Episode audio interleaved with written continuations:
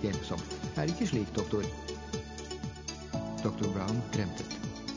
Jeg tipper herr Mayer ikke har lyst til å diskutere sine personlige anliggender.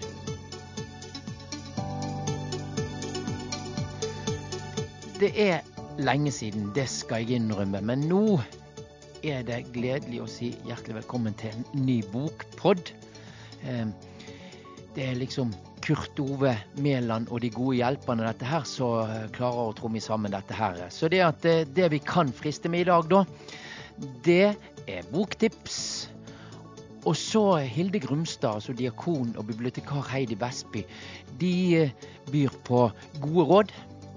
OK. Mm, dette skjønte jeg ikke helt, jeg, Heidi. Ja, mer eller mindre gode råd, får vi si da. Nynorskutgaven av Bibelen, det er en glede å si at den er nå klar. Strømbar og søkbar, og eller lånbar i vårt eget bibliotek. Du skal få høre mer om dette etter hvert, og du får òg møte innleserne, altså Helga Samset og Anders Eide, og høre hvilke erfaringer de har gjort med å lese inn en så viktig bok. Vi i KAB vi produserer jo mange bøker, mange kristne bøker. Og vi eh, har en helt rykende fersk bok som du skal føre om i denne bokpodden. Eh, det er mange som har skrevet eh, i forhold til den siste og kanskje vanskeligste boken i Bibelen, Johannes' åpenbaring. Og nå har forfatteren Hans Johan Sagrusten òg gitt seg i kast med åpenbaringen, og det har resultert i boken som heter 'Johannes' åpenbaring ei samtidsvisjon'. Ja da, så gleder jeg til han kommer i studio. Det blir eh, både flott dialekt og spennende tanker, tenker jeg. Det blir òg eh, informasjon fra generalsekretær Øyvind Woie. Og litt annet snacks, tenker jeg. Så da rykker vi tilbake til start nå, og starter på denne reisen. Og da starter vi med podkast. For eh, vi produserer jo mange podkastserier, og, og, og, flotte ting syns vi sjøl. Og disse podkastene finner du da en oppdatert oversikt over hva vi har på kab.no. Men dersom du syns det er, er, vanskelig dette her med å, å finne sånne ting, så har jeg en veldig god nyhet til deg. Alle podkastene som vi lager, de kan du nå låne i vårt eget bibliotek. Det er bare å ringe til Heidi Vestby bibliotekar, og vips, så har du fått den serien du har lyst til å høre på CD. Og vi må slå oss litt på brystet der, du, fordi at KAB, vi er de første som har funnet ut at det, det er en god idé å nemlig låne ut podkastserier. Så en liten hurra for det. Ja, og når vi snakker om podkast, så må vi jo selvfølgelig presentere en ny podkast. Det er en serie som heter i blinde, der programskaperne Magne Bolme og Sølvi Marie Risøy de diskuterer ulike perspektiv og opplevelser de har i forhold til det å ikke se. Men nå skal jeg ikke sitte her og late som jeg har greie på den podkasten. Magne Bolme han har mye mer greie på hva dette konseptet dreier seg om. Det er en podkast om å leve som blind og, og sterkt svaksynt på på mange måter. Så den omhandler jo da tematikk knyttet til blindhet nokså, på en nokså brei og generell måte. Så vi går alt fra politiske tema til hverdagslige spørsmål. Ja, Få noen eksempler der, da. Ja, nei, nå I de første episodene så snakka vi vel generelt om hva som er blindhet, eller hvordan defineres blindhet på litt forskjellige måter. Både historisk og i samtida. Og så skal vi snakke litt om hvordan det er å få assistanse på forskjellige måter. Vi kommer også til i løpet av eh, nokså nær framtid å snakke om synshemma arbeidsliv. Så det er som skjer spennende over et nokså bredt spekter. Men har vi også ute en, vi har jo allerede ute en podkast om blindisme, f.eks. Ja, det er jo et sånt eh, litt tabubelagt eh, begrep, ikke det? Jo, alt rundt blindismer er ofte nokså betent, eller det er en, en ting som, eh, som eh, det er nokså mye tabu rundt, ja. Og som eh, vel for mange er litt vanskelig å snakke om. Er det vanskelig fordi at man det har vært negativt ladet, og man vil i hvert fall ikke ha blindisme som blind? Ja, det er liksom det er en av de tingene man har vært oppdratt til å bekjempe veldig hardt, blindismene. Mm. Så vi prøver jo da å lansere litt andre måter å se, å se det på. Ja, ja, Røp litt da, Magne. Ja, det er jo noe med at gjennom ensidig å fokusere på at blindisme skiller oss ut og, og gjør oss til noe spesielt, så prøver vi kanskje heller på å si at blindisme er på mange vis en, en helt typisk måte å, å, reagere på verden på som blind. Mange av de såkalte blindismene er en helt naturlig måte for blinde å forholde seg til verden på. Ja, som, er, som, da blir lite, eh, lite godtatt og lite verdsatt. Så er det kanskje det finnes negative aspekter ved blindisme også, som vi også snakker om.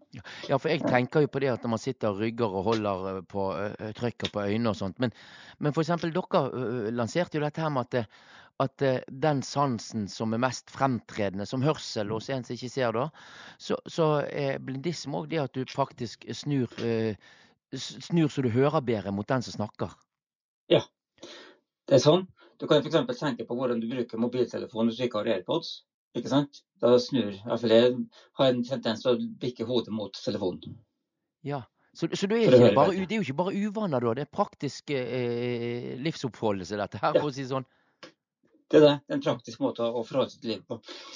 Så vi snakka litt rundt det i den podkasten, og, og ja, tematikk knytta til det. Og så kan vi avlive, skal vi prøve å avlive uttrykk som blindefaktor, som er en typisk sånn nedsettende betegnelse som vi bare parkerer. Hva, hva, hva Fortell. Parkerer? Ja, vi sier at blindefaktor er en nedsettende betegnelse på samme måte som eh, andre nedsettende betegnelser på, som blir tatt ut av, av, språket, fordi at det faktisk er det. Men du, sånn som uh, din uh, samtalepartner uh, Sølvi Marie i disse podkastene, hun snakker jo ofte om blindinger. Ja, det er vi jo uenig i. og det er også en fin ting med podkasten. At vi er grunnleggende enige, eh, men samtidig er vi såpass uenige at vi, vi, får god diskusjon. Og det er heller ikke meningen at podkasten skal gi noen sånne klare svar på ting folk bare skal mene. Det er meningen at folk skal diskutere videre. Dette med at uh, dere òg er Dere er jo kjærester òg. Uh, på en måte, hvordan blir det en dimensjon med dette? Jeg tror nok dimensjonen blir på den måten at vi har snakka veldig mye sammen privat om det her eh, også.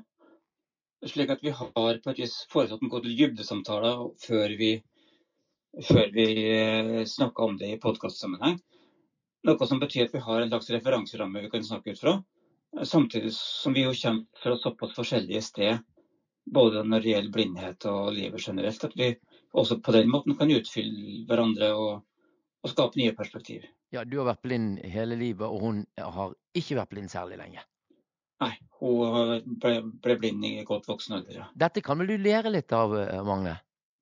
Ja, det kan jeg. Jeg lærer stadig nye ting. Eh, og det går toveis. Hun lærer også nytt. Ja, viktig å presisere. ja. Men du, det er jo dessverre slik i Norge da at uh, det er lite hjelp å få for dem som mister synet i voksen alder. Så eh, jeg som har eh, rutine på det, her, kan lære en del triks bort.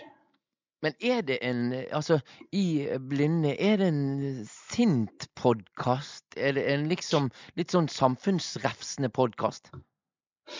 Det er en eh, Det er en en reflektert podkast, håper jeg med både humor og en del sinne. Men er det mye negative ståsted dere starter debatten ut ifra? Nei, jeg vil kanskje heller si at det er en mer undrende ståsted ofte. Eh, vi prøver liksom å unngå de typiske, typiske debattene da, og prøver å starte nye debatter. Så vi prøver å starte på et mest mulig sånn nøytralt punkt. Eh, det er klart, i de på de samfunnsområdene der det, det, er helt klart at uh, vår stilling er veldig dårlig, så blir det jo, blir det jo slik at det også gjenspeiles i podkasttematikken. Men vi prøver liksom å gi det en, en humoristisk og litt, litt um, oppløftende presentasjon. Da. Vi prøver liksom ikke å grave oss ned og, og fortelle det andre som skal gjøre det samme. Vi vil, vi vil gi folk verktøy til å komme videre. Det er KAB som eh, distribuerer og gir ut eh, denne podkasten, Magne. Hvorfor det? Det er fordi vi mener at KAB er en, en organisasjon som reflekterer syn på verden og, og, hvordan vi skal angripe verden som vi kan identifisere oss med. Og vi er veldig glad for at KAB også synes at vi er har tematikk som de synes det er fint å fronte. Så det er en god kombinasjon for oss. Så nå her i denne eh, litteraturpodkasten som eh, du er en del av nå, Magne, så appellerer vi folk òg til ikke bare lese bøker, men høre på podkasten i blinde, gjør ikke vi det? Absolutt. Jeg synes eh, folk skal kaste seg rundt og begynne å lytte på oss.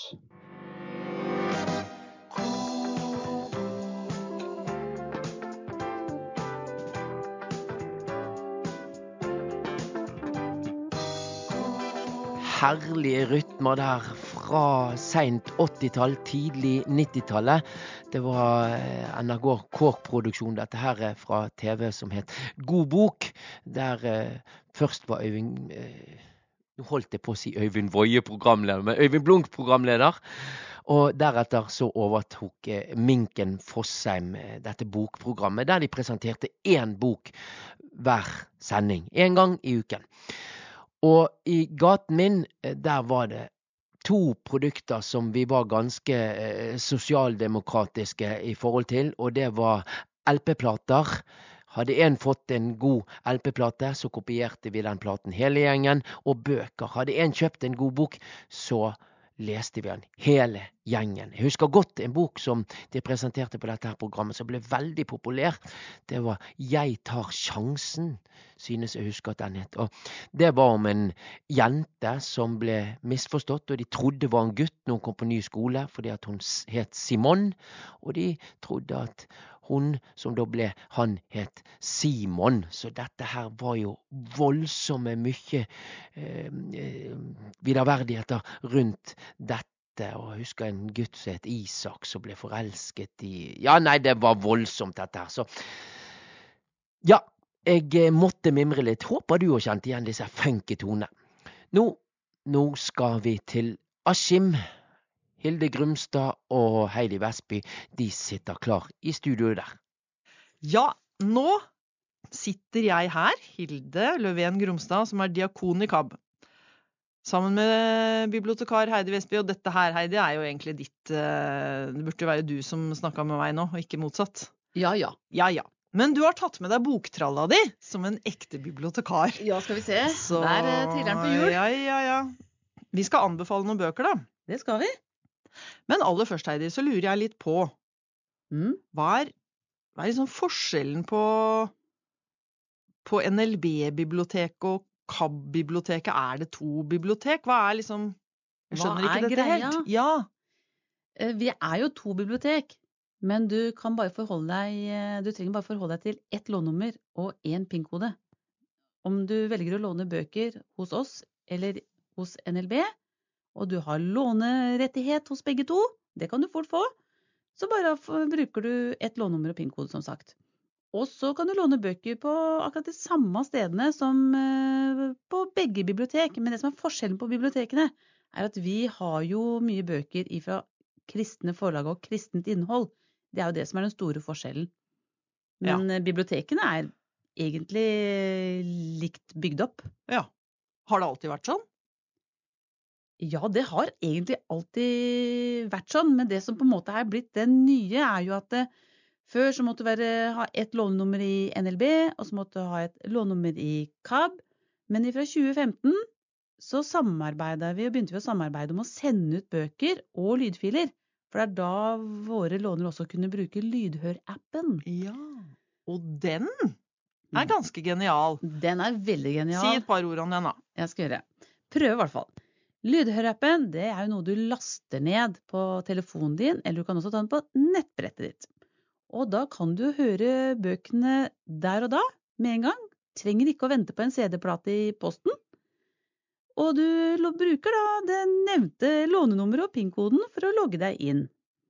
Og så kan du ønske deg bøker, eller låne bøker, eller reservere bøker som er i produksjonen. Og så kommer du med etter hvert, da. Mm. Skal gjøre. Ja, fordi nå eh, Jeg har jo denne Lydhør-appen, og da er det sånn at den innl- innlogginga du snakker om, den gjør Mhm. man liksom én gang.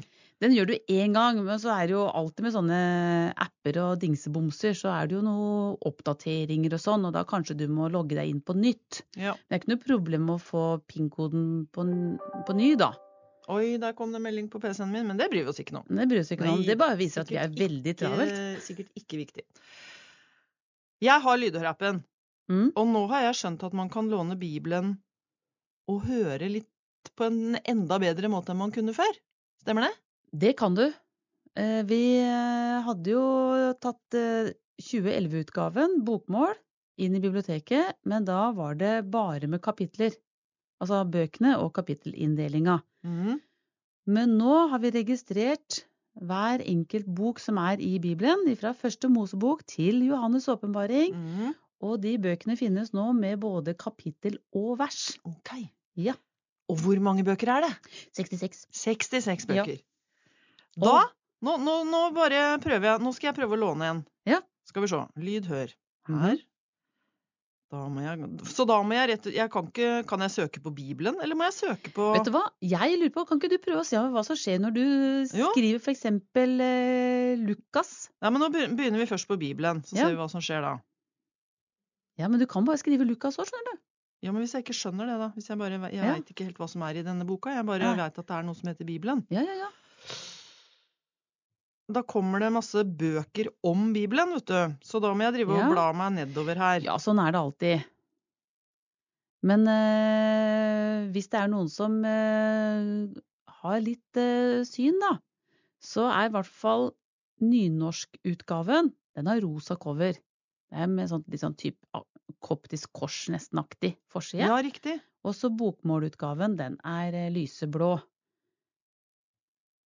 Så det kan jo være med visualisert litt enklere. Men hvis du bare skriver Bibel, da, den er i lydhørappen, da må du skrive ganske korrekt for Ja. å også få til eh, tittel, dessverre. Jeg får ikke til dette heller, altså. Sex i Bibelen. Det var ikke den vi skulle ha. Nei, jeg syns ikke det. En helt overkommelig bibel. Ja. Det er mange varianter. Da får vi prøve å være litt mer såkalt spesifikke, da. Og så skriver vi Lukas, var det du sa? Ja. Vi prøver oss på Lukas. ja. Lukas. Så vi se ser hva som kommer opp, da. Og det tar tid, vet du. Ja, men det snurrer og går her. Mm. Det skal jo tross alt eh, lete seg gjennom en hel katalog. Ja. Nå er det det at det er mange som heter Lukas, vet du. Men du, mens vi sitter her og venter, Mm. da, er det også sånn at man kan abonnere på Nei, bøker kan man jo ikke abonnere på, det er ikke noe vits i, for da får du samme boka om igjen og om igjen. Ja, Nei, du abonnerer ikke på den boka, men jeg har registrert inn eh, den bibelen, enkelte vers, eller enkeltutgaven av, altså, av bibelen, de bøkene. Det har jeg laga som en serie. Jaha. Så det kan være mulig at du kan liksom Da kan du få opp eh, Vil du se resten av serien? Vil du låne resten av serien? Ja. Så da kan du gjøre det.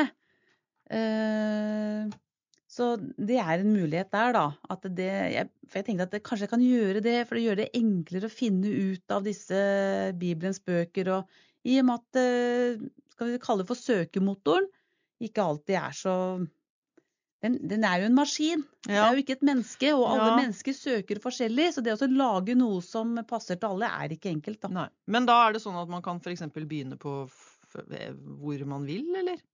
Ja da, du begynner hvor du vil. Altså, nå som du var på Matteus, så kan du se resten av serien, og så kan du ta, hente romerbrev, eller Men hva er resten av Hvis jeg låner Matteus, hva er, er det Da kommer alle bøkene opp. Hvilke bøker? Eh, I Matteus, altså, da kommer jo Da viser det fra første Mosebok, andre Mosebok, tredje Ja. Mosebok, fjerde Mosebok. Men da, det vil si at du begynner på første bok, som er første Mosebok? Nei, det må du ikke, for Nei. du kan eh, velge sjøl Hvor du vil hvor du vil begynne i en serie. hvis jeg begynner på. Matteus, så Ja. får jeg neste gang Markus? Ja, men du abonnerer jo ikke på den, så du bare velger. Du kan, det bare viser hvem er neste bok. Ok, Mm. dette skjønte jeg ikke helt, jeg, Heidi. Nei, Men hvis noen vil det, så kan de ringe og snakke med deg, kanskje? det er veldig hyggelig. Vi Ja. sier at det er en god deal. Det Og her nå kommer det opp Ja. feil. Får ikke kontakt med serveren. Det kan være enklere å gå inn på kab.no, finne opp biblioteket der, logg deg inn med lånnummer og PIN-kode, fordi da det er en større skjerm, det kan være enklere rett og slett å orientere seg på en hjemmeside enn det Mhm. er i lydhørappen. Ja. Og da når du liksom låner boka til online-spilleren din, eller eh, laster ned med en gang, så har du den jo i telefonen din med en gang også. Mhm. Så dette her går jo egentlig veldig fort, da. Mm. Ja. Når det først fungerer, da. Ok. Ja. Ja ja, sånn var det. Det var det stuntet. Med Bibel uh, fikk vi ikke helt til. Men Men det bare Folkens, viser hvor plundrete det kan være. ja, ikke fortvil. Nei da. Uh, og jeg tenker at vi på slutten av denne KAB-poden så bør vi bare hoste opp noen sånne lånenumre som folk kan uh, eventuelt bruke. Kan vi ikke det? Jo. Ja. Boknummer, det mener du. Ja, det var det Ja. jeg mente. Ikke lånenummer. Det har vi jo alle sammen. Jeg aner ikke hvor mitt er igjen, så det, derfor bruker jeg bare den appen, vet du. Ja. Ja. Det er fint, det. Ja. Mm. Men du Heidi, du snakka om at øhm, øhm, man kunne for så vidt ikke abonnere på Bibelen, da, men det er sånn at man kan Det er en serie som man kan få Hvis du først kommer i gang, Ja, så går det litt av seg sjøl. det gjør det. Ja, vi sier ikke noe mer om det. Nei. For da vikler vi oss bare inn i noe greier. Men det er andre ting man Mhm. kan øh, abonnere på. Ja, Hva er det? altså vi har jo snakka om eh, Vårt Land før, og det kan vi jo gjøre igjen. Vårt Land Mhm. blir jo lest inn hver dag av eh, eller Jyri eller eh, Jonas.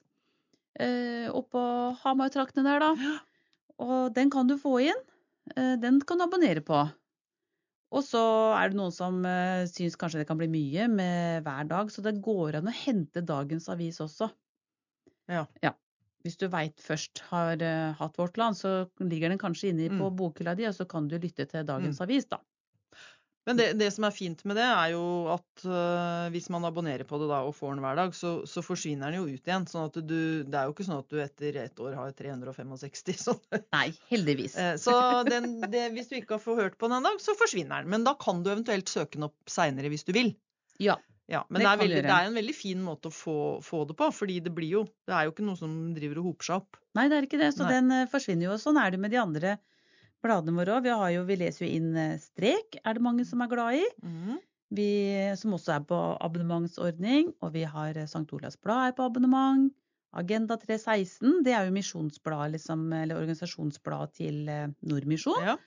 Og så har vi Misjonstidene, som er Mhm. til NMS, eller Norsk Misjonsselskap. Og så har vi Utsyn, som er til Misjonssambandet. Krigsropet. Ja, Krigsropet, som er til Frelsesarmeen. Det leser vi jo inn. Og det, alle de bladene kan du ha på abonnementsordning. Og så er det noen som også har menighetsbladet sitt. Ja. Det kan du også få på abonnementsordning. Mm. Så mm, Men hvis man For da er det sånn at uh, når det kommer et nytt blad, så får du det, og så har du det helt til neste blad kommer. Da forsvinner det gamle ut, og så kommer det inn et nytt. ja. Du kan jo fjerne det fra bokhylla di sjøl òg, Ja da. liksom. Hvis du syns Ja. det er litt sånn slitsomt å ha det der. Men det er ikke sånn at du, det hoper seg opp. Nei, det, det heller. nei, det Nei. hoper seg ikke opp, det heller. Nei. Og så leser vi også inn eh, bibelstudiet til adventistene. Det kan Mhm. du abonnere på. Og så leser vi også inn Logos, Ja. som er også en bibelleseplan. Ja. Som er mer på Den eh, norske kirkes eh, tekstrekke, da. Mm. Ja. Hvis jeg bor et sted hvor de liksom Nei, jeg tror ikke de leser i Menighetsbladet der hvor jeg bor. Hva må jeg gjøre da? Hvordan kan jeg finne ut det? Ja, det Ringe og snakke med deg? Det kan ringe og snakke med meg. også, for de menighetsbladene våre de ligger også i en egen sånn menighetsbladspiller på hjemmesidene våre. Mhm. Så du kan, eh, når du har funnet eh, lånesiden, eller altså biblioteksida, på kab.no, så er det liksom, liksom på høyre side så er det en sånn eh, en boks. Og i den boksen så står det forskjellige ting som vi tilbyr. Og der er det en menighetsblader, står det. Kan du trykke der, og så kommer alle menighetsbladene som vi har opp, som det er på lyd. Og så kan du se om du finner menighetsbladet ditt der, da. Mm. Hvis du ikke finner det, kan du få det da? Da kan du få det. Men klarer KAB å sitte og lese inn Hvor mange menighetsblader finnes det i Norge? Altså Hvis eh, hver menighet har det der sånn, så tror jeg vi har krympa ned til noen menigheter eh, Er det rundt 400 nå, eller? Vi kan ikke klare det, vet du. Nei. Men blir det syntetisk tale, da? Det blir syntetisk Ja. tale etter hvert. Men akkurat nå så har vi hva si, menneskestemmer. Ja. men det blir syntetisk tale i løpet av eh, skal vi si 2023. Ja. Ja. Men da er det lettere å få det òg, da. Ikke sant? Da kan alle få det. Alle kan få det da. Mm. Bra. Det er fint å følge litt med da, på hva som skjer i menigheten om bor. Hvem Ja, er død, og hvem er født, og Hvem har døpt og gifta seg? og- Og, ja. Ja, Og så sånn. nå er det jo snart julemesser, og det er Ja. julegudstjenester, og det er jo sånne ting, Mm. da. Spesielt kanskje mot høytiden, hvor det er litt fint å ha Ja. det menighetsbladet sitt, da. Og så er det fint å, å kanskje spørre sitt eget kirkekontor, da. eh, Om Man kan jo gjøre seg litt. Ja. Fordi det er sikkert veldig mange kirkekontor som ikke veit at det går an å få lest inn menighetsblad på lyd. Ja, Det er det. Og så kan man få en forstå at oi, her er, i vår menighet er det faktisk noe som Mm. har lyst på det. Ja. Som Og- trenger litt tilrettelegging. Det er bra. Og, Også, og tanken med at det ligger i, eh, på hjemmesida vår, er jo at eh, du må jo ikke være boklåner. Altså du må ikke ha låne, være låneberettiga for å kunne høre på menighetsbladet ditt. Nei. Så det er åpent for alle. Absolutt Mm. alle, ja. Ja. Så hvis noen bare tenker at nei, men det kunne jeg jo hørt på mens jeg kjører til jobben, liksom. Da kan du gjøre Eller det. noe sånt. Ja. Så Ja. ja. Mm. Smart. Ja. Er det noe mer vi må huske på å si før vi beveger oss over i godteskåla med bøker, eller? Nei, det er jo Jeg bare sier at det er veldig hyggelig om når folk tar kontakt og sånn, så prøver jeg å svare så fort jeg kan. Mm. Mhm. På henvendelsene og bokønsker, og tar vi gjerne imot. Så det er Mm. helt supert. Hvor er det man skal ringe, da? Du kan ringe til eh, 69 81 69 81. Det er liksom det gamle KAB-nummeret. Ja. Og så har jeg eh, på biblioteket, så er det 40 80 10 10. 40 80 10 10. Ja, det er direktenummeret. Aha, til da kommer du direkte til bibliotekaren. Ja. Hun er litt opptatt eh, om dagen, da, for hun driver og studerer. Men eh, det er bare å prøve å ringe, altså. Så Ja, ja, ja, jeg er på kontoret gjerne fra halv sju om morgenen, og så Ja. tar jeg en liten sånn ettermiddagsstunt òg, da. Så det Ja. er bare å ta kontakt. Hyggelig, det. Mm. Mm. Og jeg har den her. Ja. Og det hørtes ut som en litt uh, ja, er- artig bok. Ja, det er snacks. Ja, Ja, hva er det for noe? Det er kirkeboka mi. Aha. Ja. Er den som et sånn byggesett, eller? Det er, uh, Hørtes ut som sånn byggeklosser. ja, men det er, uh, det er en sånn pappeske. Den er forma som et hus eller en kirke, om du vil. Og inni så er det kirkeboka mi, som okay. han Sindre Skeia har skrevet. Mhm. Og så er det informasjonsark, og så kan du ha sånn fancy QR-kode. Du kan bare liksom skanne Uh. QR-koden med telefonen din, og så får Hvordan du gjør man det? lydboka. Du tar på kamera på telefonen din. Ok, Så du må ikke ha en egen sånn app for QR-koder? Nei. Nei. Og så Ja. bare holder du over QR-koden, og så kommer lydboka inn. Den er testa ut på yngre mennesker i hvert fall. Mm. Så barnebarna mine de satt helt rolig og spiste frokost Ja. og hørte på lydbok. ja. Veldig bra. Og så under så har du et sånt lite hemmelig rom i denne kirken. Kan det være katakomben? Jeg veit ikke. Ja. Men i det her så har vi trefigurer. Aha. Ja. Ja, Det er en, et hjerte, mm. en engel, en eh, larve, en sommerfugl, en lille, en lille meg, Mhm. en figur som er et menneske, Mhm. og så et kors. Ja. Og disse figurene har da selvfølgelig noe med den eh, innholdet i boka å gjøre, da. Så denne her vil jeg si, den er eh, til trosopplæring, eller ah, snart jul, julegaver. ja. Eller så kan man jo også ha det som en del av eh, i adventskalenderen. Ikke sant? Mhm. Så den er vi veldig glad i. ja. Og de figurene, de tåler å bli tygga og spist på. ja. Kan man farge dem òg, kanskje, hvis man vil, eller? Ja, det kan du sikkert prøve på. Ja, men, ja. Jeg, vet ikke om så tusjen holder helt, nei, da. Nei. Nei. Men de var veldig fine, da. Ja. Mhm. Og- Men selve, selve den pappesken, den kan man jo fiffe litt opp. Den kan du fargelegge litt på, vet Ja, du. og så kan man liksom, Når du tar opp lokket, da, så blir det på en måte et sånn kirkerom. Så da kan man Ja. bruke den esken som en del av uh, greia. Ja. Leke med, vet du. Leke. Både Ja. gudstjenester og bryllup og litt av hvert. Litt av hvert. Ja. Er det noe annet du har lyst til å skryte av, eller? Ja, skryte og skryte av, da. Eh, Anbefale, da. Ja, jeg blei gjort oppmerksom på fra det er et lite forlag som heter Sett Forlag. Vi har skre- lest inn bøker fra dem før òg. Og så er det en som heter Sverre Kragseth, som har skrevet en bok om eh, krig og hverdag. Og det er jødebarna Tibor og Vera og deres skjebne. Det er eh, helt utrolig hvordan Fordi man opplevde ofte at Norge det kunne være en sånn eh, rolig, trygg, eh, fin eh, krok av Mm. krigseuropa. Forrige verdenskrig. Og det trodde man jo, så man sendte barna sine hit. Men Ja. den blei jo funnet. Så da, Mm. da møter vi de to barna, det er søster og bror, Mm. som mens de levde i Norge, hadde et veldig godt opphold på en prestegård i Norge. Ja. Men den blei Ja, for å spoile litt, da. De blei ble jo sendt av gårde. De, de fant dem. Mm. Men det er liksom skjebnen, da. Ja. Og jeg syns at det, det er liksom sånn historie vi, vi, vi skal ikke glemme det som Nei. har vært. Nei, det er jo liksom litt i Ja, jeg leste, tiden nå, det. ja, jeg leste eh, en annen sånn tegneseriebok da, av en svensk forfatter, og der var det et sitat av Jo Benkow. Mhm. Vi kan ikke gå rundt og huske på dette hele tiden, for da blir vi jo helt ødelagt Mm. inni oss. Men eh, det er greit å ha det med seg Mm. som en del av historien sin. Og da, Hilde, Ja. da kan det jo være greit å ta den boka Livssorg. Ja. Ja, den uh, ser jeg de reiser rundt med nå. Eh, jeg ser at det er sånne Facebook-reklame og det er arrangementer og sånt nå. Og det er når livet ikke blir slik du hadde tenkt. Og både du og jeg, Hilde, har jo erfaring med at eh, livet kanskje ble ikke slik du hadde tenkt å skulle være. Kan ta noen U-svinger. Men hvem, når Ja. du sier de reiser rundt, hvem er de? Ja, det er Jeanette Røseth og Emeline Werner. Det er forfattere. De er eh, psykologer som har skrevet en bok nettopp om livssorg. Og så er det jo litt sånn oppgaver, litt sånn spørsmål og besvarelser. Så det er jo en litt sånn si, personlig reisebok. Mm. Eh, altså selvutvikling, eller hva man Mhm. skal si. Forstå seg sjøl bedre, eller? Og den eh, er liksom noe med Kanskje noe med å føle at du er ikke helt aleine heller, da Mm. Med å kanskje ha det litt sånn utfordrende i perioder Mm. i livet. Jeg bare tenker eh, mange av dere som låner bøkene våre, altså om det er syn eller om det er en annen fysisk eh, sykdom, Mm. tilstand. Ja. Det å leve med at livet ble annerledes. Leve med Mm. tap. Ja. Eh, Jeg også har sett at de er, de er jo mange forskjellige steder, og det er helt tydelig at dette er en bok med et tema som kanskje mange flere enn man skulle trodd eh, trenger, da, og, og har nytte av. Mm. Så anbefales Ja. absolutt. Eh, og den andre, eller siste boka som jeg har tatt med, for du har jo med en hel bunke, Hilde. Du har tatt helt av, du. Så er det Johannes' åpenbæring, en samtidsvisjon av Hans Johan Sagrusten. Mhm.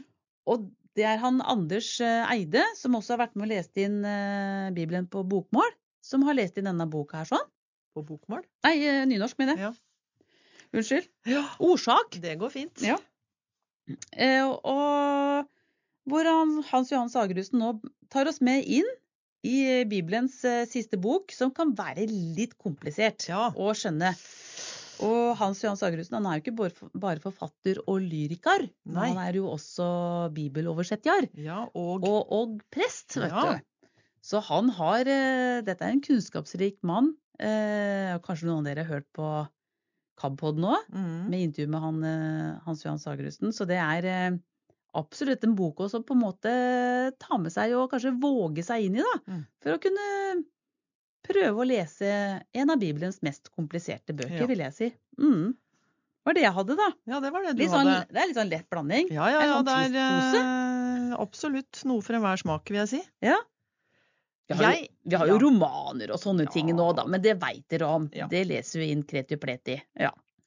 Jeg tenkte jo at siden vi kanskje nå skal eh, liksom Jeg spurte jo hva er forskjellen på bøkene i vanlige NLB og KAB-bøker, så har jo vi en del litt mer sånn Litt sånn nisje, da. Ikke sant? Og det Ja. handler jo om kristen litteratur. Så da tenkte jeg OK, hva betyr det? Jo, det betyr jo eksempel at du kan øh, få lånt en del bøker som, som kan være litt sånn eh, innføring i hva, hva er det for noe? Hva er, hva er denne kristendommen? Og Mm. hva vil det si å tro, på en måte? Og det er jo noen vanskelige spørsmål, og i det hele tatt. Så jeg plukka med meg fire bøker som, som går litt på det. Og da har vi først Kari Weiteberg. Eh, Det er jo biskop, vet du ja. i Oslo, men hun har skrevet en bok som heter Store spørsmål, korte svar. Ja. Og det er Vårt Land Forlag. Mm. Um, og dette skal være en litt sånn lettlest bok, da. For folk som lurer litt på uh, Ja, er, forskjellige temaer. det er ungdommene som har eh, sendt inn spørsmål, Ja, og så svarer Kari med sånn korte svar. Altså korte, informative svar, Ja. da. Mm. så ikke sant? Hvorfor skapte Gud myggen? Ja. Hva godt gjør den? Hva er synd for deg? Her er det mange Ja. spørsmål. Tror du noen kommer til helvete? Så Ja. Kari altså, hun har fått masse spørsmål. Store spørsmål. Og så må hun mm. prøve å svare litt sånn kort og greit, da. Ja. Kan være en fin sånn liten inngang. Eh, Så har jeg tatt med meg en bok som er litt annerledes. Eh, Men jeg syns også den er eh, interessant. Den heter Inspirert. Mm.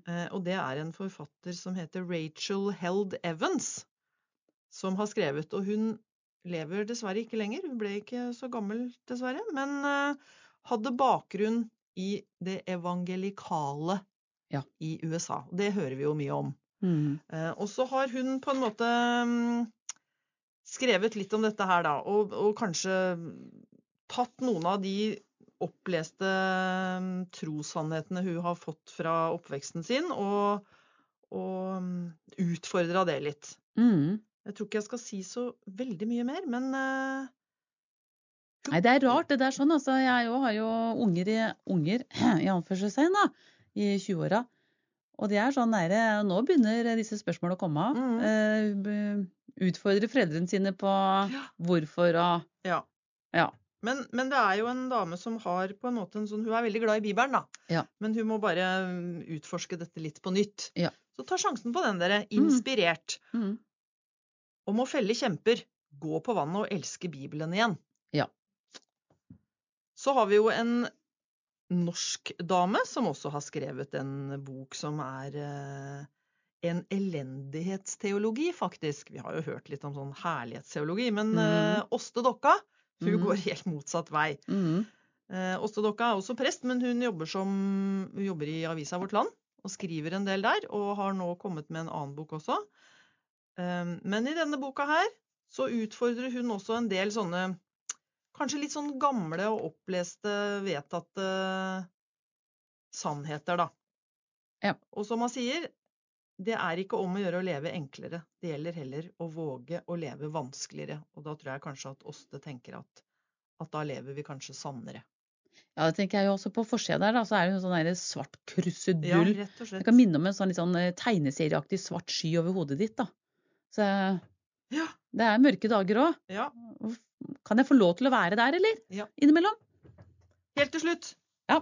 så har jeg tatt med meg Det er samme Åste Dokka som har vært redaktør for denne boka her. Det er også Vårt Land Forlag. Og den heter Troshåndboka. Det er på en måte en liten sånn ABC Ja. innenfor uh, hva det vil si å tro, kanskje, da. Mm.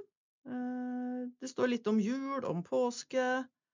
eh, Litt sånn voksenopplæring, kanskje? ja, eller? ikke sant. Gudstjeneste, hva er det for noe? Ja. Kirke, dåp, bønn.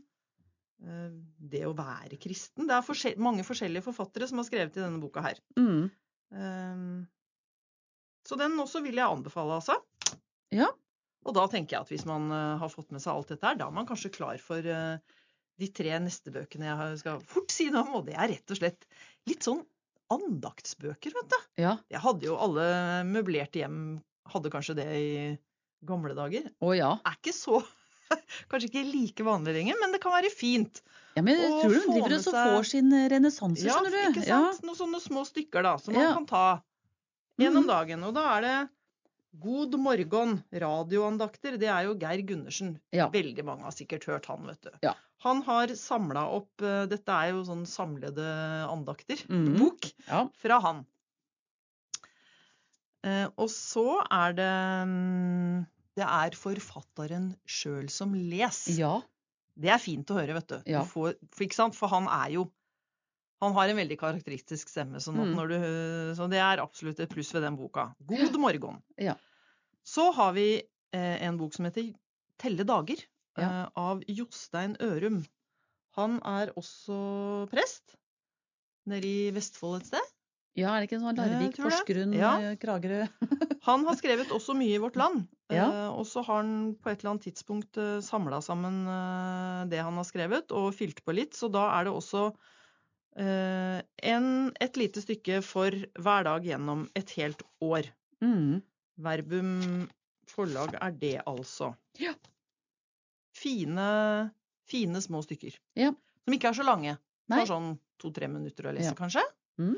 Og til slutt vår, vår, siste, vår siste på dette feltet, Eivind Skeie. Ja. Han er det mange som kjenner til. Han er jo salmedikter. Ja. eh, og, men har vel også skrevet litt bøker og litt Han skriver uh, litt forskjellig. Jeg tror han er prest, han òg, Ja, han er prest, vet du. Ja. Eh, så han har kommet med boka si 'Det er lys der jeg går'. Ja. Salmer og dikt i utvalg. Så dette er jo også litt sånn samlede verker, da.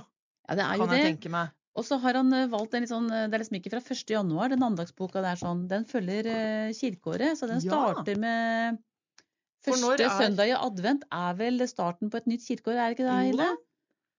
Som, eh, som prestefrue, Ja, så burde du så det. det det. er liksom 1. desember, vet du. Da begynner man med nye lys i kirken, og så Ja. teller man seg nedover. Ja. Eh, og så må vi også skryte litt av at her er det Helga Samset som leser, da. Ja. Så det er også flott å høre på. Mm. Så altså, det er lys der jeg går. Det var Eivind Skeie. Ja. Kanskje vi kan avslutte med, hvis det er noen som har noen tips om bøker, Ja. så går det an å komme med det. Vi kan ikke love at uh, alt blir lest inn, men vi Nei. tar gjerne imot ja. innspill og tips og ønsker. Og så veit jeg at eh, mange kanskje er med i bibelgruppe. Og det kan vi gjerne hjelpe til med å få ut på lyd, men da trenger litt god tid. Ja, hvis det er en bok de vil ha. Hvis det er en bok du vil ha. Eh, og Mhm. når vi kommer i gang med talesyntese, så kan jo det gå enda fortere og Ja, enda bedre. Så, du, så liksom, det er noe med å henge med, da. Ja. Eh, der du er i bibelgruppe eller studiegruppe eller mm. Så det er bare å ta kontakt. Det var Heidi Vestby og Hilde Grumstad, det. Du, nå, nå blir det en eh, rykende fersk bok her vi skal snakke om. Eh, for det er en bok om Johannes' åpenbaring, dette. Det er jo veldig mange som har skrevet om den siste og kanskje vanskeligste boken i Bibelen, altså Johannes' åpenbaring. Og nå har prest og forfatter eh, Hans Johan Sagrusten òg gitt seg i kast med denne boken, og det, det har resultert i boken som heter eh, Johannes' åpenbæring, ei samtidsvisjon. Så dette høres jo veldig spennende ut, så her må vi få høre mer fra Sagrusten sjøl. Ja, det er jo vanlig å tenke at åpenbæring er en framtidsvisjon, men jeg har eh, boken min for 'Johannes' åpenbaring er en samtidsvisjon'. Det er vel først og fremst ei ganske personlig bok, der, eh, der jeg forteller om mitt møte med teksten. Altså den, den greske teksten jeg har lest mest på grunnteksten og litt på norsk. Eh, Og jeg, det er ikke en bok der jeg refererer hva alle andre har meint om åpenbaringen, eller der jeg gjør greie for alle andre sine syn, men jeg, jeg forteller om hvordan det var for meg å lese disse tekstene. Ja, og hva fikk du ut av eh, Hva slags møte fikk du med disse tekstene, da? Jeg fikk ut av dem det at eh, jeg erfarte at de begynte å kommunisere eh, med min egen tid og mitt eget liv. Det er jo, det er jo lett å tenke at Bibelen er ei bok eh, som er et objekt for min interesse, at jeg finner fram Bibelen, jeg studerer Bibelen, og jeg er på en måte herre over studiet. Men jeg opplevde at situasjonen snur seg litt, grann, da, at eh, boken begynner å studere meg og bla i mitt livsbok og granske meg og spørre hvorfor eh, har du valgt å leve slik som du gjør. Ja, og hva, hva, hva kjente du i forhold til når du fikk den, den innfallsvinkelen der, da? Hva gjorde det med deg? Jeg oppdaga da at uh, dette her er ikke tekster som handler bare om noe som ligger langt framme i, i tid, uh, endetidssyn, men det er eh, Jeg oppdaga at dette er ord som kan gi mening akkurat i vår tid. Jeg sier jo ikke at alt i åpenbæringen er ting som blir oppfylt i vår tid, i klimaendring og i flyktningkrise og slike ting. Men jeg, jeg, jeg opplever at um, tekster på en måte speiler meg og min tid. da. Du vet, Hvis du går inn i en slik stor hall der det, eh, der det er fylt av speiler, så kan du få mange slags refleksjoner tilbake. At i én spegel så blir du lang, i en annen blir du kort og sånn. Og her opplever jeg at boka sender tilbake et slags bilde av meg der eh, som avslører meg, da, på en måte. Og hva sier, eh, mener du da, åpenbaringen i forhold til den tiden vi er i nå, da? Det ligger på en måte en slags omsorg i det, da, at uh, boka forstår oss på et vis. At hun, hun, har et språk for slike ting som uh, du og jeg i vår tid opplever. Uh, du kunne jo tenkt på en annen måte. Du, du kunne spurt Tenk om det hadde funnes ei bok i Bibelen i hvert fall, som handla om en natur i rask endring. At det blir varmere på jordet, at treet brenner opp, at liv i havet dør. Og så er det akkurat det åpenbæringa handler om. Sjøl om vi skal ikke si når den endegyldige oppfyllelsen skjer, så ser vi at jo, boka kjenner vår tid. Boka kjenner det oss opplever. Hun har et språk for det. Hun, hun forstår oss på en måte. Det, det, ligger det en omsorg og en gjenkjennelse i. da. Og dette her med f.eks. Eh, det står jo om eh, hav i, i denne boken. Og, og, dette her med Står det noe f.eks. om disse båtflyktene? Du kan tolke litt den veien, f.eks.? Ja, jeg har, eh, jeg har møtt på et par setninger som virkelig har truffet meg i magen. Det ene er jo skildringer der Johannes ser at havet ble som en død kropp. Havet ble til blod som av en død kropp. Og plutselig så steg det fram eh, for meg et slags indre bilde av ja, et, et, veldig kjent fotografi. da, at, uh, Som er tatt av en, en, flyktning på tre år som heter Aylan Kurdi. Uh, som lå drukna, en treåring, på ei strand i Tyrkia. Ikke så mange mil fra Patmos, der eh, Johannes fikk sine syn. Da. Og eh, så, så, i dag veit oss hvordan en død kropp i Middelhavet, eller Egerhavet rettere sagt, hvordan en død kropp ser ut. Det som en eh, Johannes skildra. Nå er det noen mennesker som lever, lever i vår tid, som, som har opplevd en, en skjebne som minner om åpenbaringen. Det var den ene setningen, at uh, havet ble til blod som av en død kropp. Den andre setningen som trefte meg hardt, det var det som står i forbindelse med dommen. At havet gav tilbake sine døde, står det. Havet ga tilbake sine døde. Og da, da sier tekstet til meg at den endegyldige dommen, den handla jo kanskje aller mest om at sannheten kommer fram. Altså det som er sant, blir avslørt. Eller mennesker som var glemt eller drukna, eller som en trodde var borte og ute av syne. En dag kommer sannheten for en dag. Havet gir tilbake sine døde.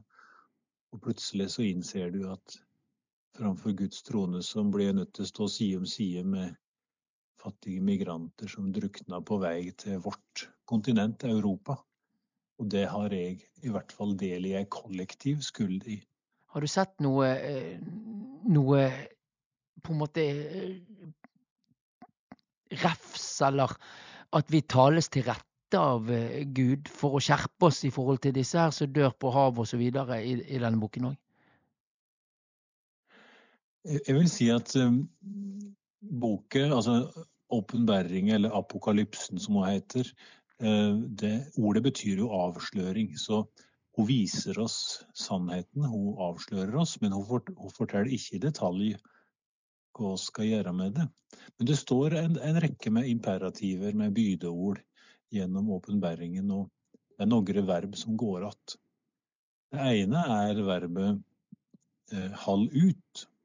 Hall ut, og det å være utholdende og tålmodig, det er en gjennomgangstone. Du kan si at det vanlige ordet for håp, det er ikke brukt i åpenbaringen. Det er ingen luftige håp om at livet liksom skal bli bedre av seg sjøl, men det er en veldig realist, realisme i boka. Altså. Det gjelder å holde ut, det gjelder å være tålmodig. Og et annet verb det er verbet å holde fast. Hold fast på krona di, står det. Hold fast på ordet fra Gud. Hold fast på vitnemålet om Jesus. Så det er en ikke en refs, men en veldig sterk og sentral oppfordring til å holde fast på den enkle true på, på Gud og på Guds sønn Jesus Kristus. Men når du har jobbet med dette her, da, eh, ser du mer og mer på Er åpenbaringen en, en skildring av tingenes tilstand, da? Ja, jeg tror du har rett i det at slik har boken vært leset av hver ny generasjon. At Luther på 1500-tallet opplevde jo at boken avslørte trekk. Han så jo pavekyrkja som, som dyret, og det gjør oss jo ikke i dag. Men han, han er jo la si tid i ljos av, av boken, så hun vil støtt være en samtidsvisjon som hjelper oss å spegle oss og analysere vårt eget liv. Men jeg tror jo samtidig òg at alt som står i åpenbæringen skal få si fullstendige oppfylling en gang. Men det vet oss ikke når det skjer, eh, hvor lang tid det er til. Men det ville være trist hvis, hvis denne siste boka i Bibelen eh, bare handla om ting langt der framme, og så ligger det flere tusen år mellom da boka ikke har relevans i det hele tatt. Hun har relevans fordi hun viser, som du sa så fint, viser tingenes tilstand. At det er en del trekk som går att gjennom verden fra århundre til århundre. Og denne samtidigheten der har boka skildra med bildet av fire ryttere. Eh, du har kanskje hørt om eh, de fire som rir på hester i eh, Åpenbæringen 6. De er skildra med forskjellige farger. Det er en rytter på en rød hest, det er krigen. Det er en rytter på en svart hest, det er svolten. Og det er en rytter på en likbleik, eller gulbleik hest, det er sykdommen og døden. Og slik er jo tingenes tilstand, som du sier, at krigen og svolten og sykdommen og døden herjer og rir framover jorda så det dundrer. Men det er en rytter nummer fire som rir sammen med dem, og det er rytteren på den hvite hesten. Og han er sigerherren. Det er Kristus. Så Det er et slags kappløp som foregår til enhver tid på jordet. At det er dødskrefter som prøver å ta makt over oss. Med krig og svolt, og sykdom og død. Men samtidig så er Kristus i vår verden og rir rundt gjennom sitt ord som blir forkynt. Ja, så det er, et stort og sterkt bilde i kapittel seks. Men du tenker sånn som hvis du leser litt i åpenbaring, så tenker du at dette her burde jo Hollywood tatt tak i. Altså, det hadde jo blitt voldsomme bilder og virkemidler. Eh, og, og, og, det er jo veldig sånn Det er en enorm bildebruk, og, og det er vanskelig Hvis jeg leser det der, så jeg skjønner ikke bedre. Altså, jeg syns det er bare voldsomt. Ja, og slik har jeg òg følt det. Og det er sikkert mange som føler det slik. Men det, det skjedde òg et slags skifte, en slags forenkling i, i mitt syn på bildebruken i åpenbæringen eh, underveis i arbeidet med boka. For plutselig så slo det meg at OK, det er store bilder, men alle sammen består av helt naturlige element. Eh, når eh, Johannes skildrer som et glasshav framfor trona til Gud, så er det en forsker som heter Bruce Metzger, som har sagt at det er jo fullt ut forståelig når du har sett Middelhavet ligge blankt i kveldssol fra toppen av Patmos. Eh, og regnbuen som omgir Guds trone, det er jo et naturlig element. Ellers så vrimler det med andre naturlige element. Jesus er framstilt som et lam. Og det gikk jo sauer og lam og beita i liene rundt der Johannes satt på Patmos. Og ryttere på fire hester. Det var slik romerne patruljerte, med en slik kvadriga, en gruppe på fire ryttere som rei rundt og, og overvåka alt som skjedde i det store Romerriket. Så på punkt etter punkt så ser en at det er naturlige bilder en Johannes ser, men det er ikke bare overnaturlige ting, men gjennom og samtidig med og ved sida av alt det naturlige en ser rundt seg fra Patmos, så, så er det noe mer som stiger fram òg, en slags ekstra dybde i syna som åpner seg foran. ham. Jeg har opplevd det um, viktig å få boka ut. Jeg, jeg, kunne godt ha venta både ett og to år og sittet og fila på formuleringer og finpussa enda mer. Men jeg følte det hasta, fordi det jeg har sett, det som tåla til meg, det var helt aktuelle problemstillinger. Det er nå det gjelder å helle fast på truet. Det er nå det gjelder å, å leve rett i et samfunn i endring. Det er nå det gjelder å, å gjøre det gode mot medmennesker rundt seg som lever i klimaendring og, og flyktningkrise og en krise i den kristne kirka. Eh, så jeg har følt et voldsomt ansvar for å gi videre det jeg har sett. Da. Et litt innspill i, i disse flyktningdebattene og, og sånt da? Ja, nettopp som du sier, det er et innspill. Denne Bo kjemi er ikke perfekt, men hun er et innlegg i en samtale. Og ingenting ville glede meg mer hvis, hvis noen, hvis noen da tenkte videre, skrev videre enda bedre enn meg og førte samtaler og visjonen videre og fikk henta ut enda mer um, nyttig og, og gjevende stoff for oss i dag fra det som en Johannes så på Patmos. Hvis vi går helt konkret på denne boken, altså. Vi har snakket om at Johannes' åpenbaring eh, sier ting til deg. Men eh, det kan jo bli vanskelig og tungt dette. Hvordan er denne boken? Eh, hvis du skal skildre hva du møter i den? Jeg, jeg, tror det er en nokså tydelig eh, stemme gjennom henne. At der jeg er glad, der kan det høres i teksten, og der jeg er fortvila og, og nedfor, så kan du høre det. Jeg, jeg føler nok at jeg har utvikla et, et, språk som her og der kan være poetisk og vakkert, men som òg kan være litt sterkt og rått da, til å skildre de mest um, gripende og skremmende synet. Eh, de som har lest boka mi, sier at denne går det ikke an å lese i ei økt. Og så er en nødt til å porsjonere henne ut og lese ett og ett kapittel om gangen. Men hvem skal lese den, da?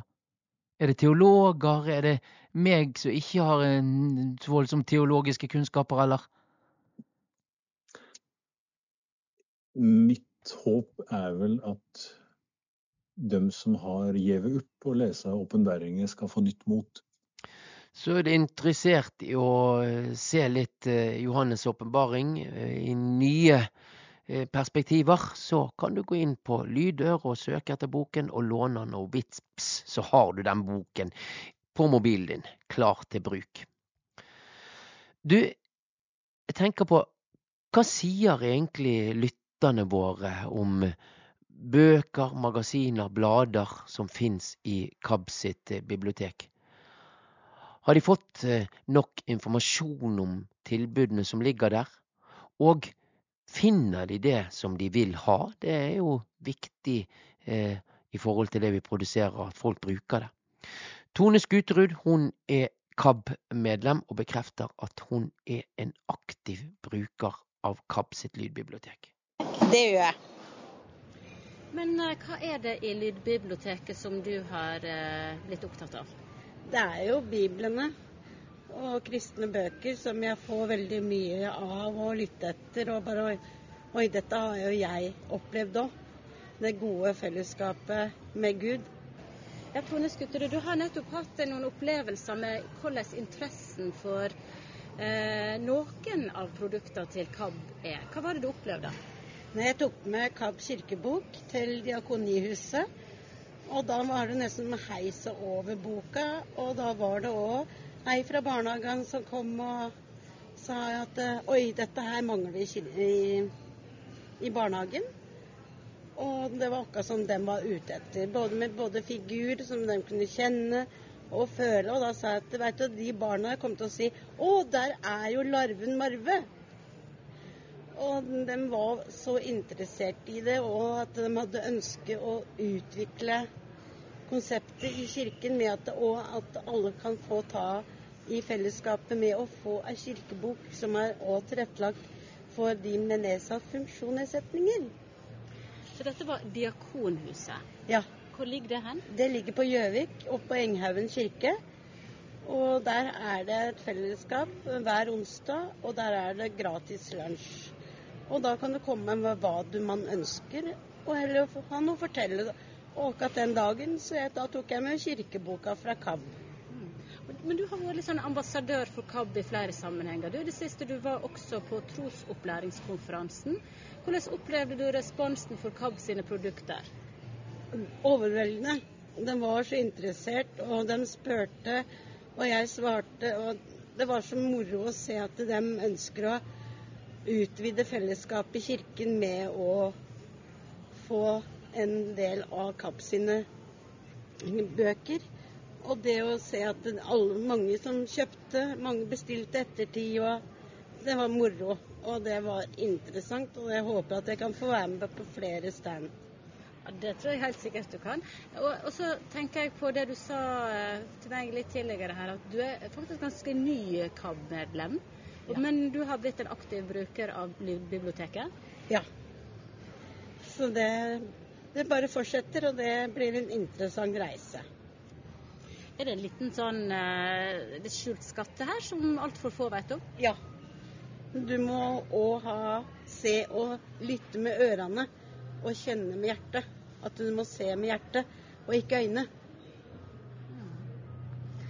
Men hva må bli flinkere å informere om tilbudet? Ja. Så der har vi en jobb å gjøre. Ja, du sa vi? Ja. ja. Så vi må bare fortsette, vi òg. Og gjøre, gjøre, oss sammen i fellesskapet, samme KAB. Du tenker at eh, medlemmer skal være med å spre det gode budskap? Ja, helt riktig. Så vi må òg gi noe tilbake, syns jeg. Når de gir oss så mye, så ønsker vi å gi noe tilbake igjen. Og da blir jo det fellesskapet enda større. Ja, viktige poenger her eh, Tone Skuterud har. Altså, vi må informere om det tilbudet vi har, og gjøre det kjent. Og gode tilbud. Apropos det, så har vi nå en gledelig nyhet om at eh, Bibelen, nynorskutgaven av Bibelen, den er klar. Nå kan du kjøpe den hos oss i KAB, du kan høre den på lydhør, og du kan strømme den på andre boktjenester, som f.eks. Eh, Storytel. Og det med Storytel og strømming, det er faktisk en viktig inntekt fra, for Kabde. Vi tjener rundt 300 000 i året på at folk strømmer Bibelen. Så dersom du har noen du kjenner som ønsker å høre denne Bibelen, så kan du appellere til at de går inn på denne Storytel eller andre strømmetjenester og hører den der. For da gir de da en gave til KAB i tillegg til at de får noe godt tilbake. Og nå, nå skal du få møte innleserne Helga Samset og Anders Eide, som har med respekt og kjærlighet gitt disse ordene som står skrevet i Bibelen, lyd. Her forteller Helga Samset først om hva hun syns har vært kjekkest med å jobbe med en sånn viktig bok som Bibelen er. Jeg tror det var det var noen sånn øyeblikk i studio. Eh, jeg var jo hjemme hos eh, Torstein lydtekniker. Han har studio i hjemmet sitt. Og så satt jeg liksom der og las, og så var det noen ganger at jeg liksom opplevde at det var teksten og det jeg tenkte og alt altså, Noe samla seg veldig, da. Og blei eh, litt sånn musikk. Det var veldig, veldig fint. De gangene det skjedde. Samlet seg, hva sånn, mener du med det? Nei, at uh, jeg er konsentrert, og teksten bare er jo fantastisk. Og så, og så, klarer jeg Og så er det mye teknikk, vet du. Man skal liksom frasere og sånn, og liksom få det til å flyte og sånn. Så av og til så gikk liksom munnen ganske bra sånn som jeg skulle ønske at den kunne gjøre det. Og da blei det sånne øyeblikk av nærvær, kanskje, da, eller noe som jeg blei veldig glad for. Jeg, og det var rolig. Det var ikke noe sånn voldsomt. Det er en, en stille, konsentrert situasjon å være i studio. Men jeg syns at det var Det også er jo veldig fin kontrast. altså Den studiosituasjonen som er så konkret og, og fokusert, og så er tekstene svære. Uh, det, gir, det, gir, noen fine, fine Så var studio var stort. Um, og så var det gøy å jobbe sammen, det lille gjorde sammen med Anders Eide, som også leste inn, uh, leste inn uh, sin halvpart. Da. Vi hadde litt kontakt, og det også var veldig givende og fint, syns jeg. Ja, der leste dere en, en, en duett der. Ja, vi gjorde det på Det var det ene stedet vi la sammen, og det var Høysangen. For der har 2011-utgaven gjort det grepet som ikke har vært gjort før. At man har tenkt at det her var nok en opprinnelig en slags duett mellom en han og en henne, og et kor. Så vi tenkte da at ok, da blir det vårt møtepunkt i denne store vandringen hvor vi stort sett leser hver for oss hele veien. Men akkurat i Høysangen, der tok Anders og las han, og så las jeg henne. Så det var et uh, meget interessant møtepunkt også. Litt utradisjonelle uh, skildringer der av hva som er vakkert, men noe, du hadde ja! visst noen tenner som noen sauer og noe greier som var hvite. ja, det er helt nydelig. Og det, det er Men på en eller annen måte, da, nettopp ved der, de der absurde bildene som du veit tilhører ei annen tid, så klinger det liksom så fint likevel. Og kan bli til noe, da. Så jeg syns det var veldig morsomt å gjøre det sammen med Anders. Nå når Bibelen har vært litt ute, da, hva hvilke tilbakemeldinger har dere fått på den duettlesningen? Du, Det er ikke så mange som har sagt noe om det ennå, men jeg, jeg, har, jeg husker at vi at uh, Frank, altså Frank Tangen, kanskje noen kjenner til han, han spilte den høyt på en KAB-samling på Modum Bad. Jeg lurer på om du var der, Kurt? Ja, jeg var der. Ja, ikke sant? Og det var moro. For da blei det veldig sånn Nesten litt flau, men også veldig happy og litt fortetta stemning. Så det syns jeg var veldig morsomt. Og, og, rart. Rart å høre sin egen stemme sånn etterpå, på en måte. Uh, men også veldig, veldig fint. Og så hørte jeg, syns jeg, at, det, at, den måten å gjøre det på, jeg syns det fungerte ganske bra, da. Så det, det, var morsomt. Hva tror du er det viktigste du har klart å tilføre eh, disse tekstene i denne versjonen, da? Og det veit jeg ikke. Um, det jeg håper på, er jo det Altså at den som forteller en historie, er en som ser det skje. Altså betrakter en på en måte, og ikke som en sånn kald fisk på noen måte, men den som Altså det at de som hører fortellingene og poesien, på en måte opplever at de også får rom til å, til å se den og sanse den sjøl, da. At det er en slags en liten distanse, et rom som jeg har forsøkt å skape da, mellom meg og tekstene, som tilhøreren kan krype inn i. Hvis noe sånt noe kunne skje, så ville jeg vært veldig glad. Er det noe... Er ja. ja, og så er det poesien i dette her. Poesien i tekstene er jeg veldig opptatt av. Så det, det håper jeg at, at, musikken og poesien til en viss grad har kommet fram. Det, ja, da ville det vært bingo, hvis noen opplevde det sånn. Og eh, at de tekstene som er trøstende, fungerer som trøst. Det tror jeg vi trenger, alle sammen. Er det noe, er det noe du har fått ut av denne lesningen som har gjort noe med deg og ditt trosliv, på en måte? Ja, altså jeg, jeg, er ikke så Jo, jeg er på en måte redd for å gjøre feil på den måten at hvis jeg sperrer liksom døra for noen, så er det dumt. Men, men jeg får en sånn, det, det liksom evighetsperspektivet ved de, at de har vært der alltid. Eh, og kommer til å være der lenge etter at jeg har eh, gjort mitt, det kan gi en ro, syns jeg.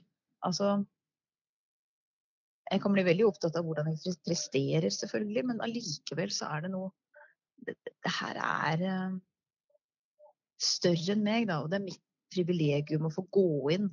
Og så har jeg tenkt på det er et bilde som jeg har brukt i noen år, som jeg liker at teksten er som et fjell. da, og at, eh, at, jeg kan gå fra ulike kanter, og at fjellet forandrer seg ikke så mye av at jeg vandrer i det.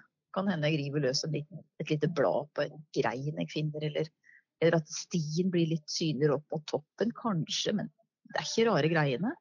Så det at fjellet er der, er på en måte poenget. Og den som går opp, kan få utsyn på gode dager hvis det er, hvis det er klart vær. Da. Så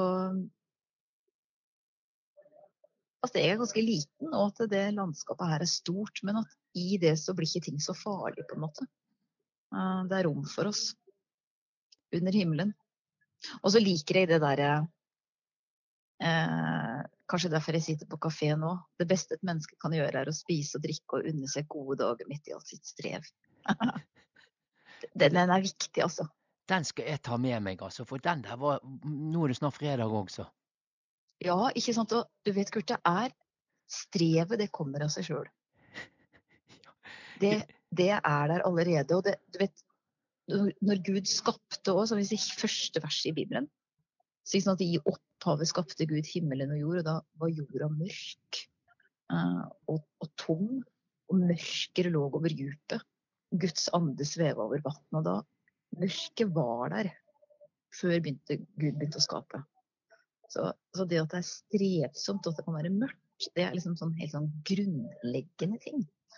Og da er det det å se lys, å kjenne lys og mettes av det og unne seg gode dager midt i alt sitt strev. Jeg, jeg har tenkt å øve meg litt på det fremover. Ja, det skal jeg jammen meg øve meg på òg, altså. Helga Samset der, uh, som er en av to innlesere av Bibelen på nynorsk. Og Anders Eide, det er den andre innleseren, og her forteller han hva, prøver i hvert fall å fortelle hva han sitter igjen med når han har fått denne innlesningen litt på avstand. Oi, ja, det var et stort spørsmål. Men uh, jeg syns i hvert fall når jeg fikk tilbudet da, om å, å være med og bidra på å lese inn eh, Gamle testamentet, som det jeg har vært med på, så kjente jeg at det var et veldig sånn ærefullt eh, oppdrag som jeg eh, Ja. Som jeg følte ikke kunne si nei til. For liksom, det, liksom, det, er jo noe av det største du kan være med på innen, inn lydbok. Det må være verdens mest kjente og mest leste bok, så det er, no, bo, det er noe alle har et forhold til. Men du, du, har jo vært litt sånn mørkemann her med disse krigene og alt. Det er jo du som ja. Helga har lest liksom det vakre, og du kommer der med ja. disse her eh, Ja, så jeg fikk jo veldig mye av dette her. Eh, det var mye nedslakting og ja, Guds vrede. Så ja, nei, det var, det var ikke alltid det var lystige, lystige historier jeg, eh, jeg, var med og formidla, men jeg syns allikevel det var stor opplevelse. Og så er det mye man ikke hadde lest òg, fordi at det er jo ikke nødvendigvis at man leser Bibelen fra perm til perm. Så man liksom eh, ja, fikk lese de tingene som man kanskje ville hoppe over ellers. Så det var jo interessant. Og, ja. Er det god litteratur, syns du? Mm. Varierende, vil jeg si. Det er jo ikke alt. Noen ganger føles det som mye oppramsing, da. Man liksom eh, snakker om eh, hvor mange sønner den og den hadde, og hvor mye de hadde liksom av korn og kjøtt og alt mulig sånn. Ja, det, det er klart det er ikke alt som er like, men så får du jo får du noen skikkelig juicy historier etter hvert. da. Som for eksempel? Innimellom.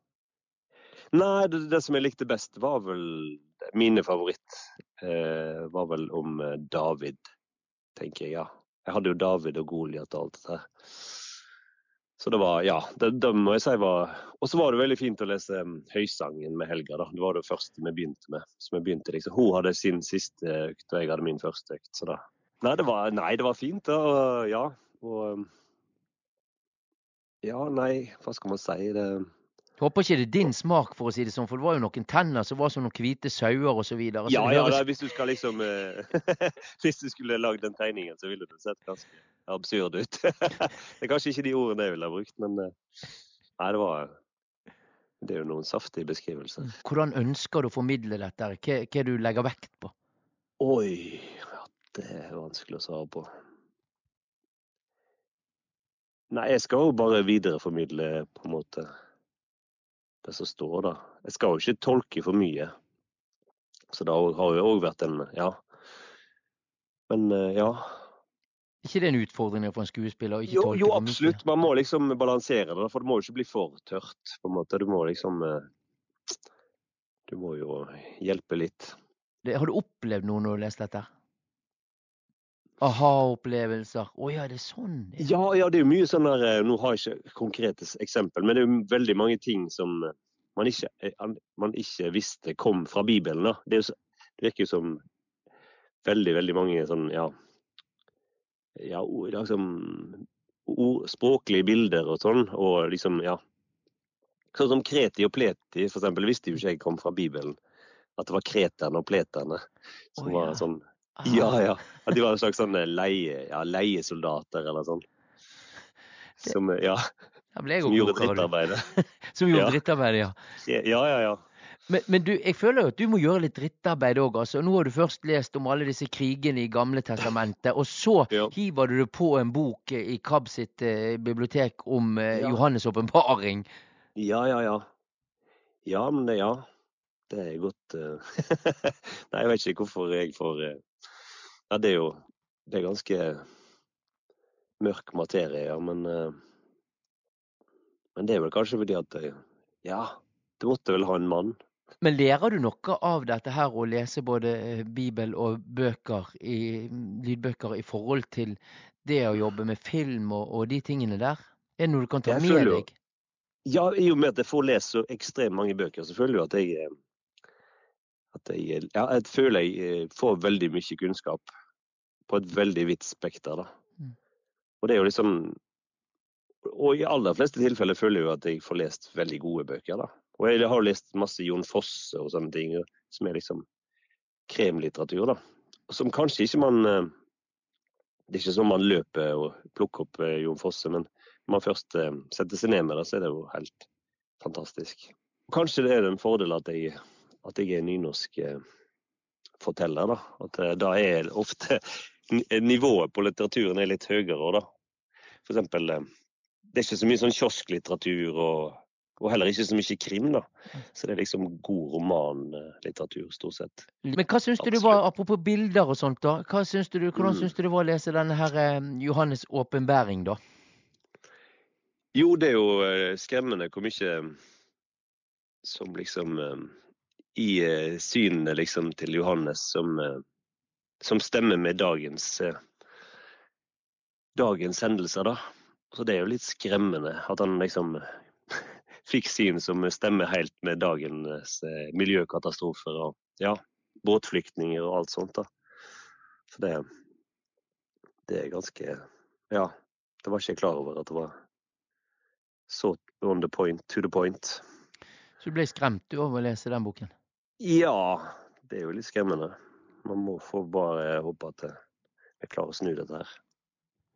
Nå har vi snakket om, om eh, denne nye utgaven av Nynorskbibelen. Vi må jo høre litt òg, og det ble jo nevnt den her duettlesningen av eh, Salomos høysang.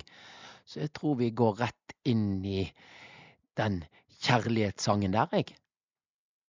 Når kongen er hos meg, angar nardussalven min. Kjærasten min er ein myrrakvist. Han overnattar mellom brysta mine. Kjærasten min er ein klase hennablomar på en gedis vinmarker. Så vakker du er, mi kjære. Så vakker du er. Auga dine er duer. Så vakker du er, kjærasten min, så god, og vårt leie så grønt. Sedrar er bjelkar i vårt hus, sipressar er tak og himling. Ja, utrolig fin duettlesning der av Helga Samset og Anders Eide, altså. Og nå har vi snakket mye om Bibelen, og at det er mulig å søke i den helt ned til vers. Og det har jeg lyst til å vise hvordan man gjør i lydhør, hvis ikke du kan det. Så første punkt én du må gjøre, det er at du må søke på boken du vil jobbe i. Du kan ikke søke på hele Bibelen. Du kan det, da får du opp hele Bibelen og kan høre hele Bibelen som én bok. Men hvis du har lyst å eh, jobbe i en bok og søke og finne bibelverser, sånn, så må du søke i den enkelte boken. Da gjør du som følger at du søker f.eks. Johannesevangeliet, nynorsk skriver du inn, og da får du den opp. Og den har jeg funnet nå. Og nå skal jeg vise hvordan jeg tenker at jeg vil jobbe i lydhør for å finne kapittel og vers. Da går jeg nederst på skjermen på iPhone, som jeg bruker nå. Navigasjonsnivå, nivå 2, knapp, Navigasjonsnivå nivå 2. Sant? Og så kan du eh, knipse den fingeren nedover på den knappen, så får du nivå 3, nivå 4, nivå 4. nivå, nivå 2. Men nå skal vi ha nivå 2, for det er kapittel. Og så går jeg eh, sveipere til høyre. Forrige nivå 2, spill av, neste nivå 2, Neste nivå 2. Da skal jeg ha neste kapittel. neste nivå 2. Kapittel tre. Kapittel 3. Og nå vil jeg finne vers 16 i kapittel 3. Navigasjonsnivå, nivå 2, knapp, Da knipser jeg fingeren kjapt nedover. nivå 3, Da har vi kommet til det som er vers. Jeg sveiper til høyre igjen.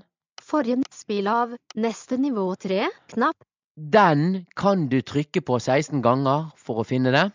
Og det kan man jo gjøre, men da syns jeg det er enklere å gå inn i innholdet her. At du bare går opp i selve boken. Du bare peker midt på skjermen et sted. 6. Da kommer Overskriftsnivå jeg 4. Lenke. vers 6, sant? Og så bare tar jeg og sveiper nedover. 8, 9, 10, 11, 12, 13, 14, 15, 16. Overskriftsnivå 4. Og nå- Lenke. Skal vi høre om vi har fått kapittel 3, vers 16. Nå er jeg spent. 16. For så Overskriftsnivå elska Gud 4. verden, Lenke. at han ga Vi sønnen sin. klarte det. Den- Så dette er en uh, mulig uh, måte å navigere i. Det er jo litt uh, tungvint uansett, men det å enten trykke på neste navigasjon hver gang for å finne verset, så og så mange ganger, eller å bare gå midt på skjermen der du er inne i boken blant alle versene, og bare sveipe til du kommer til det riktige verset. To forskjellige måter å gjøre det på dette her. Men iallfall veldig viktig det der med at du ikke prøver dette i, i Bibelen som egen bok, men at du bruker én bok i Bibelen. Matteus, Markus, Lukas, Salmene osv. Så, så jeg ønsker deg lykke til. Og det er sikkert mange andre metoder man kan bruke òg, men dette var den jeg syns var mest hensiktsmessig. Og så kan vi ta oss og se på andre ting etter hvert. Har du lyst til å abonnere på bøker som f.eks. å få Vårt Land i bokhyll på Lyder hver dag, så er det bare å søke i Lyder på Vårt Land, låne boken, og så får du melding fra biblioteket at boken er klar hver morgen. Nå nærmer det seg slutten. Nå skal vi bare slippe til Øyvind Woie, generalsekretær her, med litt info om alt det fantastiske spennende som skjer i KAB. Og etter det så er det slutt på denne bokpodden. Og husk, dersom du har lyst til å låne podkastene vi produserer, eller bøkene, så ringer du 69 81 69 81, eller søker du opp på Lydhør eller kab.no. Lykke til!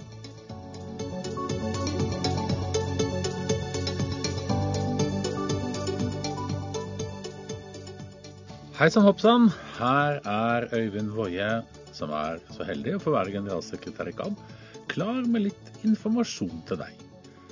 Vi starter med det som koster litt grann penger for deg, men som gir veldig mye penger til KAB. Det er nemlig slik at man kan bruke KABs tilbud helt uten å være medlem.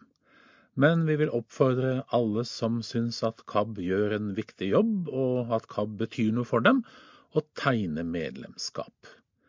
Det er nemlig slik at eh, mange kanskje tror at de er medlem, kanskje de har gitt en gave og tenker at det er medlemskapet, men nei da, du må nok faktisk enten gå inn på KAB sine nettsider, kab.no, og registrere deg som medlem.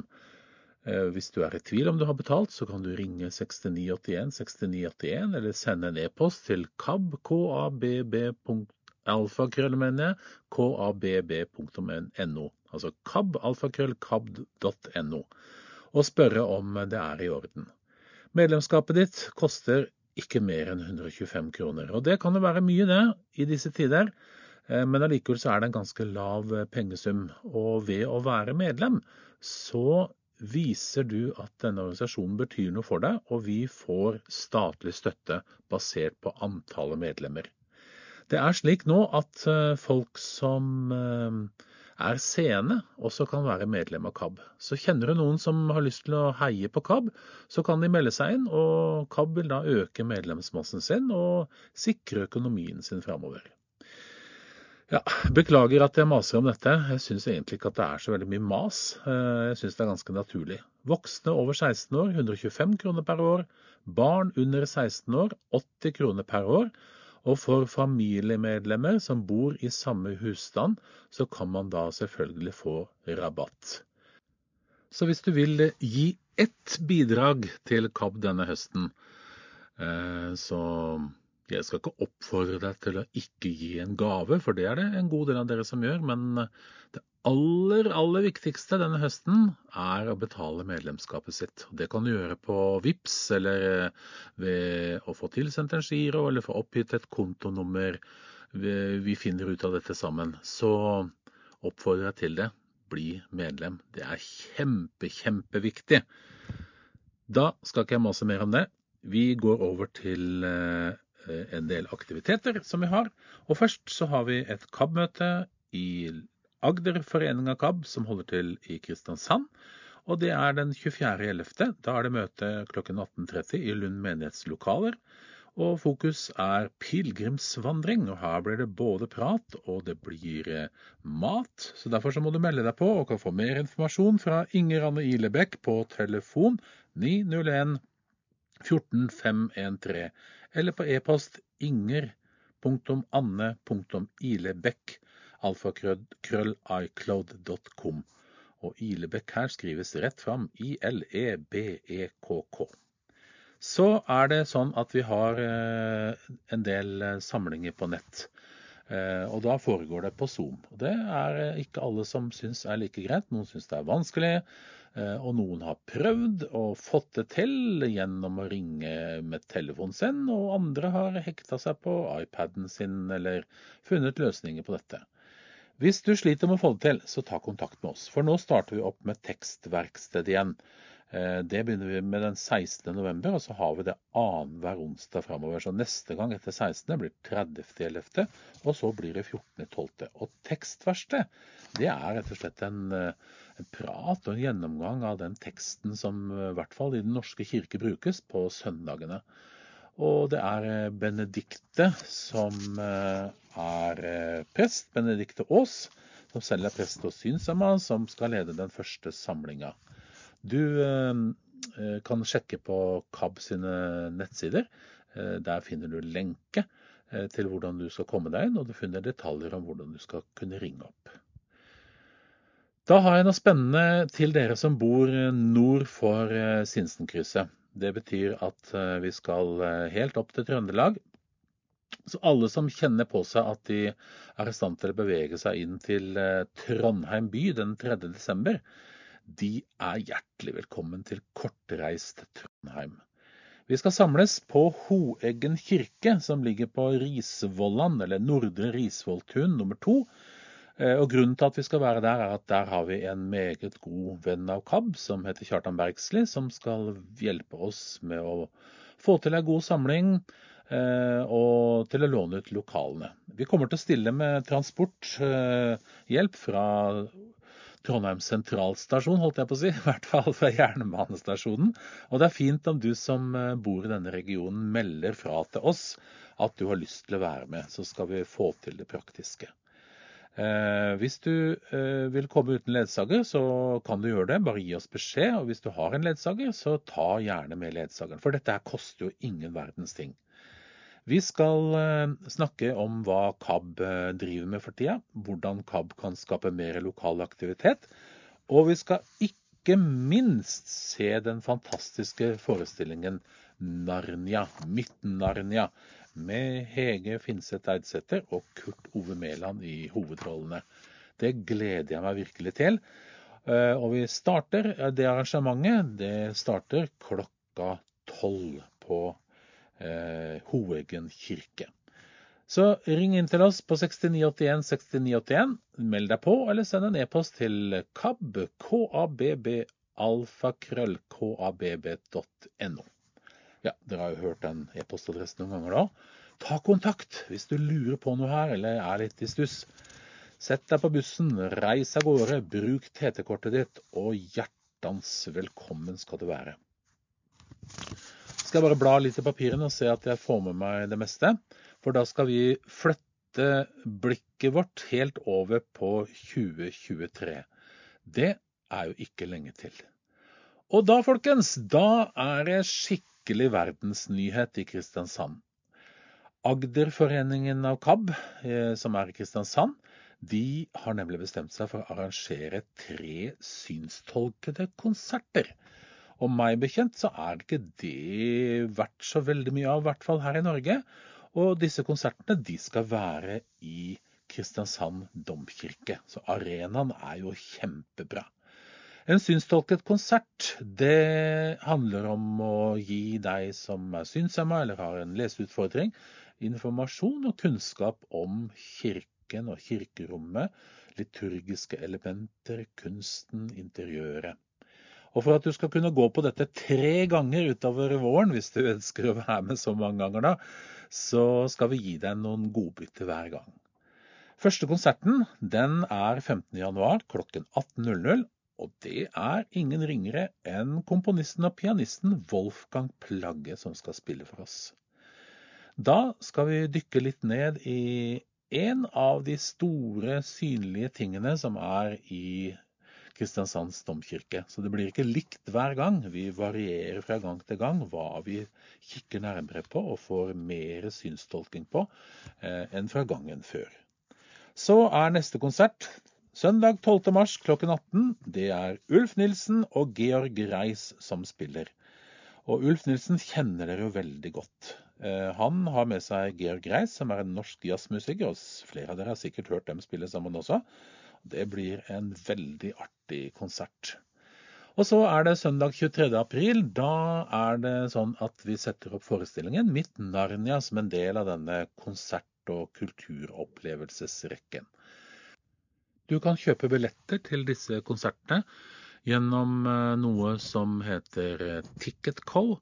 Og for å finne billetter så kan du søke på Sanselig og Sydstolket, eller noen av disse navnene på de som skal opptre. Eller du kan gå inn på KAB sine hjemmesider og finne arrangementet i kalenderen vår.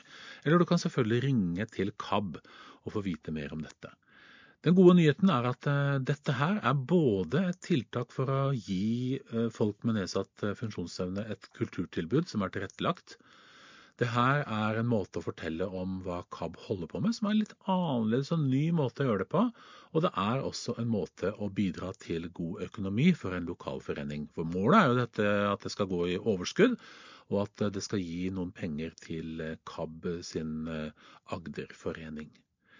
Så er det også en god nyhet at hvis du er medlem av KAB, så vil du få reduksjon i billettprisen til deg selv. Så det kan også være et godt argument for å melde seg inn i KAB. Riktig spennende saker, med andre ord. Har du spørsmål om noe av dette du har hørt her, ta kontakt med meg, 42801, eller ring til KAB 6981 6981, eller send en e-post til eh, KAB, KABB, alfakrøll, kab.no. Det var alt.